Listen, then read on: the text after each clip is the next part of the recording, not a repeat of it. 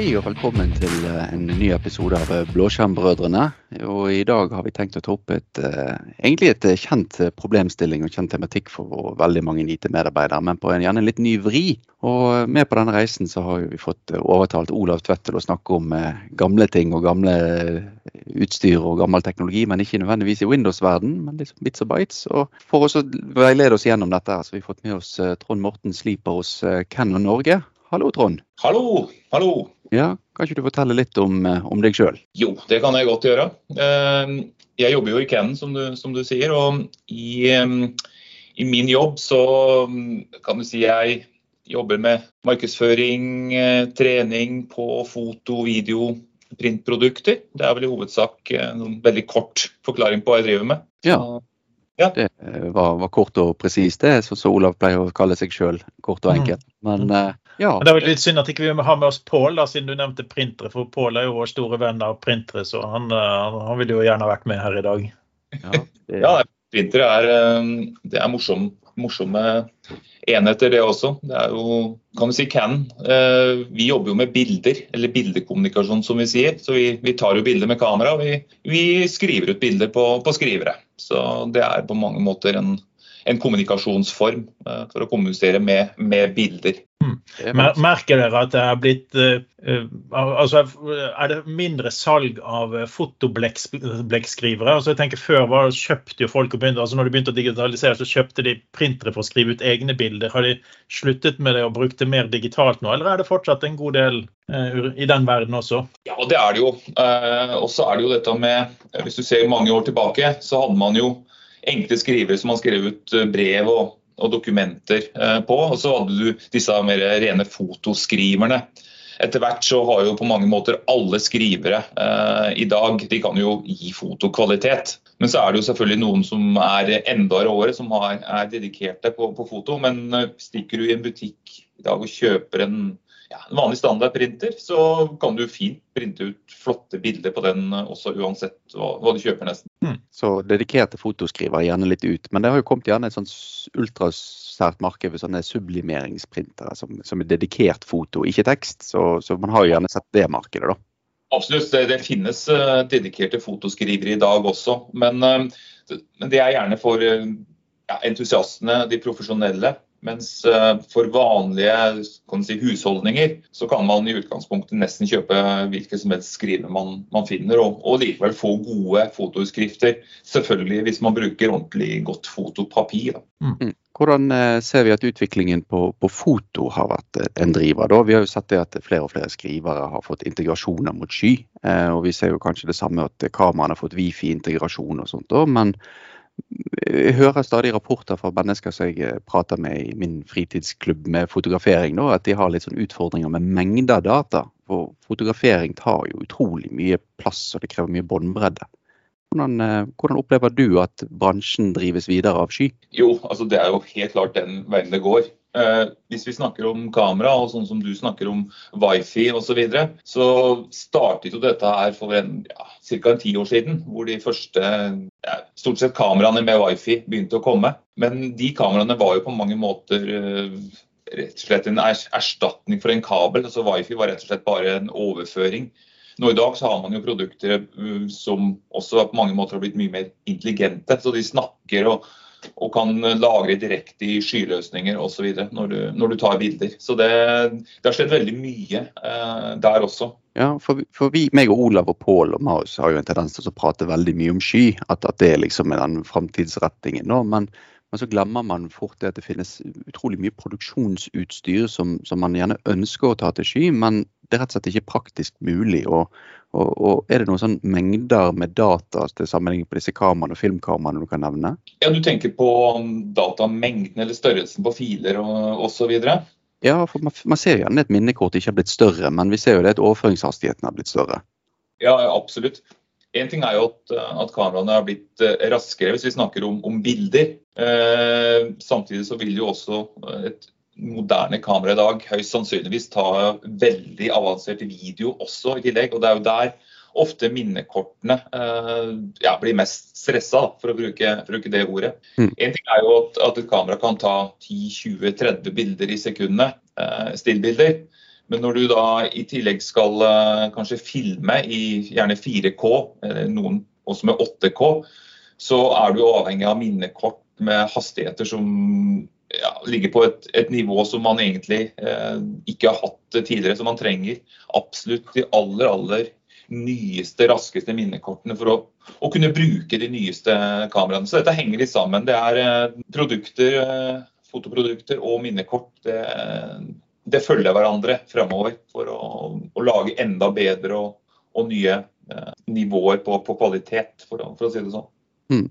For, for, et års tid siden så fikk jeg jo pratet med en, eh, en bekjent fra fotobransjen også, heter Jan Erik Hagen. og Han nevnte jo det at han hadde med seg veldig lettvekstprodukter når han var på reise. at det var liksom, Han foretrakk heller å bruke sky. Men uh, han har jo litt, gitt litt tilbakemeldinger på det at vi, vi snakker gjerne om 300 megabyte i sekundet med produksjon. Altså utstyret bruker rett og slett såpass mye data. og hvordan ser du det? Er det veldig mye lokalt utstyr ute i produksjonsmiljøene, eller er det, er det rett og slett mulig å, å flytte dette til sky? Det er jo Utfordringen der er vel rett og slett eh, overføringshastighet. Da. Skal du kjøre til sky, så, så er man jo avhengig av at, at, ting går veldig veldig kjapt. Når du sier 300 megabyte i sekundet, eller kanskje 350-400 også for, for, en del eh, produkter, så, så, så, vil det jo kreve kanskje 2,5-3 gigabit eh, dataoverføring for å kunne kjøre direkte. Og det er jo veldig begrensa ute, i hvert fall du kan gjøre det i et, et studio osv., men um, er du ute i felt, så, så vil du sjelden ha slike uh, hastigheter tilgjengelig. Jeg mener jo Olav nettopp diskuterte at han oppgraderte til noen sånne hastigheter i, i leiligheten sin. Er ikke det, er ikke det 2,5 gigabit begynt å bli hvermannseie etter hvert? Jo, det er vel, det er vel nesten det. Ja.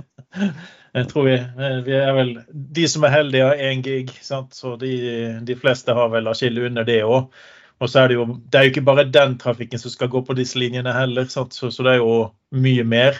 Eh, I tillegg så har du vel veldig få leverandører som vil ta imot den mengden data uten å ta seg godt betalt for det i tillegg. Sant? Ja, så, så, det har jo vært litt utfordringer knyttet til disse tingene. Men samtidig så, så, så har vi jo sett litt i, i medielandskapet at uh, man er rett og slett bekymret på samme måte som man er bekymret for at e-poster og dokumenter kommer på avveie. Så har vi òg sett journalister som har blitt fratatt fotografi på reise i uh, forskjellige regioner og områder og sånt, og, og, gjerne ønsker seg sånne tjenester. Finnes det noe informasjonsbeskyttelse for denne type produkter? du tenker på um, Fotografering. Tar man bilder av ting i et land, så ønsker man gjerne ikke at det skal være noe som kan bli brukt mot dem hvis man blir stanset. Så finnes det rett og slett eh, kryptering og beskyttelse for dette? Det finnes, eh, det finnes løsninger eh, for enkelte produkter. Vi har, vi har tilbudt krypteringskit for enkelte av våre profesjonelle kamera tidligere. Hvor mye i bruk det er nå i dag, det, det vet jeg ikke. Dette var jo vår egen, uh, egen, løsning. Uh, så jeg antar, uten at jeg skal si det helt sikkert, at, uh, at, det, at det, brukes en del fra profesjonelle aktører innenfor for krypteringsverden. Men jeg har litt lite oversikt over, eh, over, det, i og med at ikke vi leverer uh, i noe særlig grad selv. Dette har jo vært noe vi har diskutert en del i tidligere podkaster, Olav. At uh, informasjon på avveie kan jo gjøre at uh, man både vegrer seg for å, å, bli fotografert eller gi fra seg informasjon i tilfelle noen som du ikke ønsker at skal få tilgang til informasjon, faktisk får han. da. Men eh, hva tenker du at det kunne vært en naturlig ting å, å få på mobile feltarbeidere? For det er jo frontline workers dette også, egentlig. Hvem spurte du egentlig nå? Nei, det var deg, Olav. Ja, det var meg. Ja. Nei, altså, det, jeg ser jo klart for seg at uh, data skal jo beskyttes hvis det er riktig type data. Uh, men en kryptering av denne mengden data vil jo være en ekstrem belastning på utstyr. Så, så, jeg tror ikke det er så lett å lage et kamera som kan kryptere filmen mens du filmer for å være sikker hele tiden. Og i, i de fleste tilfeller så må jo den typen devicer være relativt åpen for at du skal kunne bruke dem. Sant? Sånn at du, du, har ikke den samme påloggingen, avloggingen, identifiseringen når du bruker et kamera som du har når du bruker eh, en, en, PC eller en telefon. Eh, så det, det, det, er faktisk enda vanskeligere å beskytte det. Jeg vet ikke om det finnes ditt kamera hvor du må logge på for å få lov å se på innholdet, eller om, om det er bare noe eh, som jeg tenker kunne vært kjekt å ha. Sitter vi nå med produktutvikling i podkasten? Unnskyld? Ja, sitter vi med produktutvikling i podkasten nå, for kommer en tjeneste snart? Ja da. Ja. Det, er jo, det er jo en, en spesiell gruppe kameraer bl.a. som, i forbindelse med overvåkning. Og der, der ligger det en del sånne, sånne funksjoner. Um, så uten at jeg skal gå så mye inn på akkurat det, så, så finnes, det, eh, finnes, det, akkurat eh, i den verden det er sånn. Men på si, tradisjonelle foto- og videoprodukter, eh, som man gjerne bruker som en journalist, da, så, så, har man ikke en sånn løsning i noe særlig grad. nå kan man jo også si at um, et eksempel på, på, en løsning er jo det vi, vi støtter på de nyeste kameraproduktene våre, hvor du kan faktisk skyte bilder, og de lastes automatisk opp i vår skyløsning. Det er koblet direkte mot, mot kamera. Så det er jo en, en, mulighet. Så hvis man har, og er et sted hvor man har tilgang til, uh, til den, uh, den skyløsningen, så, så, vil jo det kunne, kunne, fungere. Og da gjør du ingenting om du mister minnekortet, for å si det sånn. da. Da har du i hvert fall en løsning i skyen. Men igjen, hvis du er på et sted hvor ja, det er begrenset med tilgang til nett, altså internett er begrenset av de som, som styrer området, så, så, har du jo en utfordring, selvfølgelig. Jeg har alltid visst at den eh, satellittelefonen Olav har i kjelleren vil komme til nytte en gang. Så, ja, ikke sant? Ja. ja så, så, det kommer vel gjerne som en, eh, som en naturlig utvikling. Um, du, du, nevner dette her med, med, med skyløsninger. Og, og, en ting jeg, i hvert fall jeg som konsulent får en del spørsmål om, er jo dette med grafisk prosessering av tjenester. Man kjøper gjerne eh, arbeidsstasjoner og PC-er fordi at man skal bruke det til å tegne ting, enten det er CAD eller visuelle ting eller videoredigering. Men vi ser lite ut av dette i skyen. Eh, hvor, finnes det egentlig noen gode løsninger for å redigere den type materiale i skyen, sånn som dere ser det i dag? Jeg vet ikke hvem du spurte, var det meg eller var det? Det var vel helst deg, Trond. ja, nei, altså vi, vi leverer jo produktene for å ta bilder og video, eh, og i liten grad den softwaren som, som brukes til, til akkurat uh, det du nevner nå. Så det er vel opp til si, de profesjonelle aktørene i den bransjen. Jeg tenker på AutoCAD, uh, Adobe og, og, tilsvarende. Så det er nok uh, de som har de beste, beste svarene på akkurat det. Vi har jo egentlig snublet litt borti disse tilfellene og scenarioene for eh, kunder og oppdrag vi har tidligere sammen, Olav, der eh, man merker det at grafikkprosessering og, og mengde dataprosessering ikke er modent nok for sky. Um, så det å ha GPU og CPU i sky er jo en, en kjempeviktig ting å, å, få på plass for å kunne drive dette markedet videre. Men Tek teknologien er jo der. Eh, altså Du kan få veldig grafisk intensive eh, VM-er f.eks. i Asher som gjør at du kan få en enorm ytelse på hva du måtte ønske. Men eh, kost-nytten er ikke til stede, kontra det å kjøpe en grafisk, eh, en, en grafisk eh, workstation til kontoret. Den vil kanskje koste deg et sted mellom 25 og 50 000, og da får du veldig bra datakraft. Og i en eller annen leverandør sin tilsvarende modeller, så vil du bruke opp 50 000 veldig fort. Så, så, det kan være eh, mer lønnsomt i mange tilfeller å ha den kjempedyre workstationen. Men på den andre siden, hvis du trenger den én gang i måneden, så kan det faktisk hende at du kan ha tre, med, nei, tre år med, med, med, datakraft for det du trenger, eh, hvis du bare trenger det sånn sporadisk. Så. Men jeg tror det er det som er litt av utfordringen. det er at eh, Adobe og andre leverandører har jo eh, online editeringsprogrammer, men de, de er ikke lagd for workstation-editering av bilder, da, rett og slett. Så Du snakker jo gjerne med disse som opererer der. Hvordan tar de rett og slett med seg mobile arbeidsstasjoner i feltet for å drive med redigering og rett og slett arbeid i felten, fordi at det ikke finnes tilgjengelig sky, eh, Trond? Jeg, jeg skal ikke si hvor mye eller i hvor stor grad ting gjøres i felt akkurat uh, på det området der. sånn. Um, de løsningene som, som ofte, oftest blir gjort ute i felt, det handler jo rett og slett om å selvfølgelig få tatt bildene og videoene. Uh, så kan man også tagge de selvfølgelig, så, eller autotagge de med metadata osv. Og, og så er det å få det ut, eh, ut, i skyen. Og så sitter de som jobber med filene, gjerne et, kanskje et annet sted og håndtere, håndtere, de. Det er vel gjerne på den måten, måten, ting foregår. De har jo desker rundt omkring. altså Hvis det er publisering som skal fort ut, så har de desker med utstyr. Sant? Og Jeg var borti en grafisk eh, ut, utdannelsesinstitutt, og de hadde eh, et, en håndfull med virkelig kraftige maskiner. Ingen satt fysisk på dem, men de kunne koble seg på dem remote i en pool, og så fikk de tildelt en maskin. Og så kunne de gjøre editering med å laste opp bildene sine, så kunne de editere dem der. og Selv om ikke det var mest optimale måten å gjøre det på, for det kan være litt delay, så ga det i hvert fall alle, uansett hvor de var, så ga det muligheten for dem å sitte hjemme. altså Dette var jo studenter, sant? så de hadde ikke en desk som editerte, men de kunne være hvor de ville, og så kunne de koble seg opp og så kunne editere bildene. Så, så, enten har du en profesjonell desk hvis du skal ha det ut med en gang, og de har utstyret. Eh, ellers så er det veldig mange da som har da leid datakraft på en eller annen måte som kan gjøre det. Sant? Jeg har i hvert fall også inntrykk av f.eks. mediehus og sånn, hvor man er ute og, og skyter bilder. Eh, og det er jo selvfølgelig ting må gå veldig fort. Og Der brukes det jo ofte FTP-servere for å overføre uh, rett fra, fra kameraproduktene. Og, og, selvfølgelig også med sikker FTP-overføring. Så det, det, er vel den mest vanlige måten der, i hvert fall. Mm. Eh, minner meg til en, eh, en IT-leder til en kommune på Vestlandet som var litt bekymret for politikerne skulle få seg iPader. og Han var litt usikker på hvordan han skulle klare å distribuere disse elektroniske saksbehandlingspapirene. da. Så han eh, mente jo det at han hadde implementert Private Cloud og satt opp en FTP. Så vi må vel da si at fotografer er storbrukere av skyløsninger med bruk av FTP. Eh, jeg er litt usikker på om du ville vært enig i den definisjonen, Olav? Ja, man må jo også si det at FTP er ikke FTP. Altså man, man, tenkte på hvordan FTP var i gamle dager, så var det en veldig basic tjeneste. Men nå har du jo krypterte FTP-er, altså FTPS, og det er jo det som normalt sett er i bruk. Og så spørs det hvor skyen faktisk ligger. for at den eh, FTP-serveren du har, den kan jo faktisk være linket opp mot en Ashore-blob som ligger med, med, med kryptering og beskyttelse i bakkant, eller det kan være en annen type leverandør. Så, så, det høres veld, veldig skummelt ut at folk fortsatt bruker FTP-er. Altså, det er nesten som vi skulle bruke bulletin boards. Sant? Så det, det, er virkelig gammelt, og IRQ og hele pakken. Altså, men, men, men, det er modernisert, selv om teknologien er såpass enkel og grei at det er lett å bruke den klienten er brukervennlig.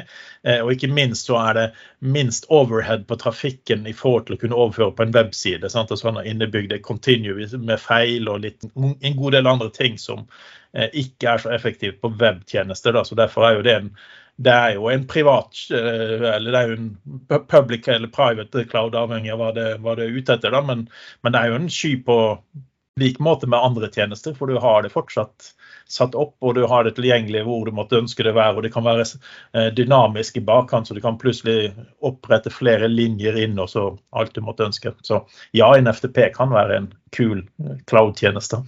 Ja, så uh, cloud er gammel Nei, ikke gammel teknologi, det er legacy-teknologi. Vi har hatt mm. cloud ganske lenge. Så mm vi har jo gjerne fått en del sånne utstyr. Det er jo populært med overvåkning. Jeg har hørt folk om som eh, ønsker å sette opp nettverkskamera og skykamera for å følge med på katten sin hjemme. og litt sånn forskjellig da, men... What? Vil noen gjøre det for å finne ut hva katten gjør når de er på hytten en gang?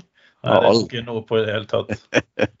ja, Noen følte seg kanskje litt truffet, men, men finnes det egentlig gode skyløsninger som både gir intelligens og funksjon rundt overvåkningskameraer, uten at du trenger å eh, tradisjonelt ha sånne overvåkningsinstallasjoner som man har på butikk og sånt, med lokal prosessering?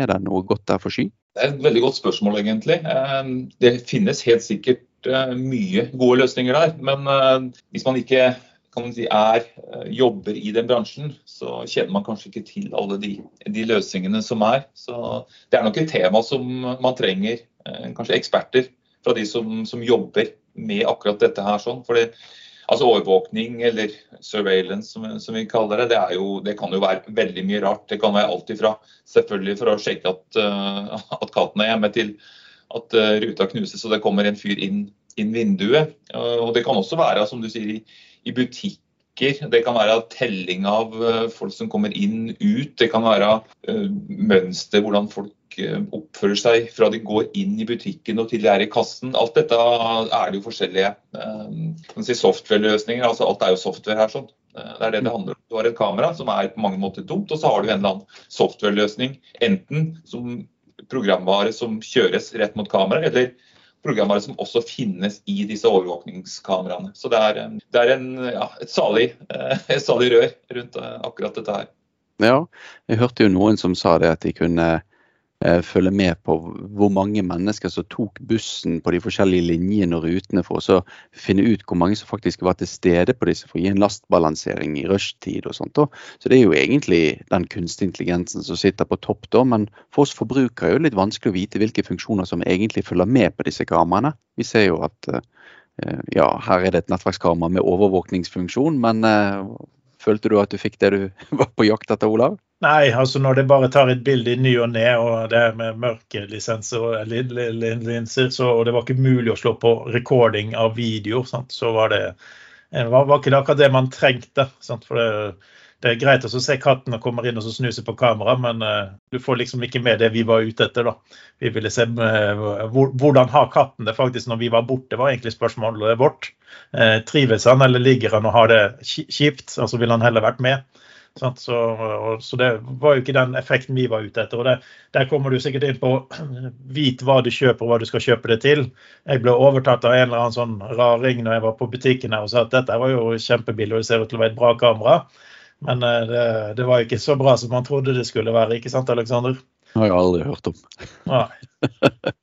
Nei, det er, det er det å vite behovet ditt, og så kommer du plutselig til litt sånn interessante ting som vi egentlig har touchet, og både dette med kryptering, informasjon og, og dette med fare for datalekkasje. Og så kommer man jo da på dette med film. Hva har man egentlig lov til å filme, og, og hvilke områder har man ikke lov til, og hvilke mennesker har man lov til å filme. Og du, merker du at videobransjen eller kamerabransjen har fått flere problemer med dette de siste årene, eller har mobilt smarttelefoner med kamera gjort det lettere for fotografer? For? Så reglene er jo det samme uansett hvilket kamera du har. Om du har en mobil eller om du har et uh, systemkamera, så er jo reglene for å ta bilder egentlig akkurat uh, det samme. Så Du må jo ha tillatelse og dette med gjenkjenning. Og, og, så er det jo en del områder ikke sant, hvor, uh, hvor det er litt sånn hva skal jeg si, for noe, litt tvilsomt da, hva som er lov og ikke lov. Altså Eksempelvis hvis du, hvis du drar på en fotballbane, står på andre siden, tar bilde av publikum med et, et kamera med ja, 100 megapiksler, da,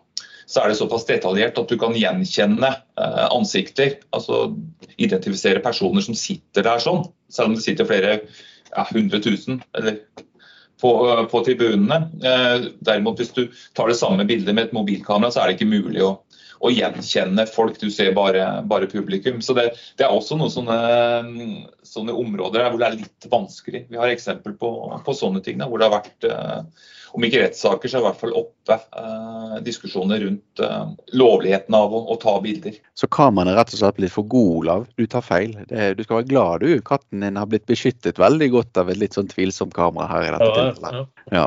Så det er, jo, det er, jo, da altså rett og slett en stor teknologisk utvikling som skjer, men vi føler kanskje ikke at programvaren henger igjen. Men eh, vi, du begynte jo så fint med å nevne at du hadde også ansvar for printere, da. Og det har jo det har jo skjedd en liten uh, utvikling på printere, da, men, men, hvor lenge har vi print, Trond? Hvis Pål hadde vært med nå, så hadde han håpet at du sa det, at nei, det slutter vi med neste år. Ja, det er jo det er vanskelig å spå om framtiden. Hadde du sett uh, to, tre, fire, fem år tilbake, så hadde vi vel sett at nei, print det, det har man ikke om, uh, om fem år. Men uh, sannheten er jo at bl.a. sånne ting som pandemien vi har hatt nå, det har jo ført til at folk har jo kjøpt mye mye mer printer enn, enn tidligere. Så printmarkedet har jo, har jo faktisk økt de siste, siste to årene. Uh, betraktelig også, faktisk. Så, det, så det, er, uh, det, er, nok en stund til.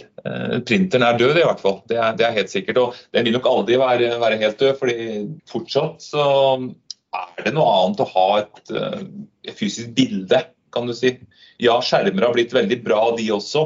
Men eh, hvis du kjøper en printer til 500 kroner, da, eksempelvis, tar, putter et fotopapir og printer et bilde, uh, skal du se det bildet på samme måte på en skjerm, så må du kanskje kjøpe en skjerm til mellom 50 og 100 000 kroner. Bare som, som et eksempel, for å få samme kvalitet. Ja, det, det har jo vært en ganske stor eh, teknologisk utvikling. Vi ser jo det at Samsung har kommet med den The Frame, som de kaller på, med foto, TV-er og litt sånt. Men, men, prisen har gjerne ikke hengt helt med, så det å printe et bilde og henge på vegg eller putte i ramme, er jo en helt annen kost. da. Ja, og det er jo de aller fleste har vel enda i dag fortsatt full-HD-TV-er hjemme. Altså 4K har begynt å komme. Men hvis man ser på en, en full-HD-skjerm, da, og ja, kanskje gjerne en 50 tommer eller rundt der, som sikkert mange har, så er jo ikke det mer enn 2 megapiksler. Eh, informasjon du har på den skjermen. Så det er jo, det er jo ikke så mye detaljer. Det er ikke, og det er begrenset med antall farger, ikke sant. Hvis du ikke har de aller, aller beste eh, panelene osv. Så, videre. så så print, utskrift av bilder, eh, kvalitet. Eh, helt annet nivå enn en skjermer, stort sett i hvert fall. Mm. Det kan jo faktisk være en sånn eh, kuriositet òg. Du nevnte dette med pandemi, at printersalget har gått opp. For det har jo vært en stor etterspørsel etter elektronikk og komponenter som har gjort både det at lagring, og da er vi tilbake til bindekortbiten, men også gjerne eh, skjermer og annet utstyr er mangelvare på. Har det vært tilsvarende problem med print? At det er stor etterspørsel av komponenter i det markedet, eller kan det ha vært bidragsyter til å øke etterspørsel etter print? Ja, altså Print uh, slipper ikke unna. Det er på samme måte som resten av, av verden, for å si det sånn. Da, hvor det, det er teknologiske produkter. Det er, uh, det er chipper. Uh, så det mangler der også. Absolutt. Så man, man gjør tilpasninger for, for å få, få ut produkter. Absolutt. Mm. Ja, en spennende historie. Da lurte jeg rett og slett bare på, Olav. Du har jo egentlig alltid noen sånne kloke avsluttende ord jeg, er litt usikker på om du har lyst til å avslutte med print, eller om, eh, om du føler at Trond skal få det siste stikket her denne gangen her. Jeg tror at så lenge ikke vi har Pål her, så, så, kan vi, han få lov å legge igjen en kommentar til episoden omgående printinnspillene hans. Så, så han, han, kan få det siste ordet eh, skrevet. Ja, vi lar Pål få det siste skrevne ordet, da. Da, Trond, sier jeg tusen takk for at du eh, kunne være med oss i dag. Det var jo en interessant diskusjon og gikk eh, høyt og lavt innom det meste. og Så får vi jo se om vi eh, er så heldige og kan få dele nyheten om at vi har fått 2,5 gigabit internett inn til Olav i løpet av året. Så tester vi gledelig utstyr og, og begrensninger i den, den verden der. Og så må du gi sånn der kamera med sånn beskyttelsesmodus som kjenner igjen ansiktet til Alexander, sånn at ikke folk begynner å se på feriebildene hans. Det har vi hørt at det kan ha psykiske problemer for folk som har tilfeldigvis sett på ferie, ferierull til Alexander uten å være forberedt. Ja. da sier vi tusen takk, Trond. Ja, takk for meg. Hyggelig å være med på dette her. Ha det. Ha det. Ha det.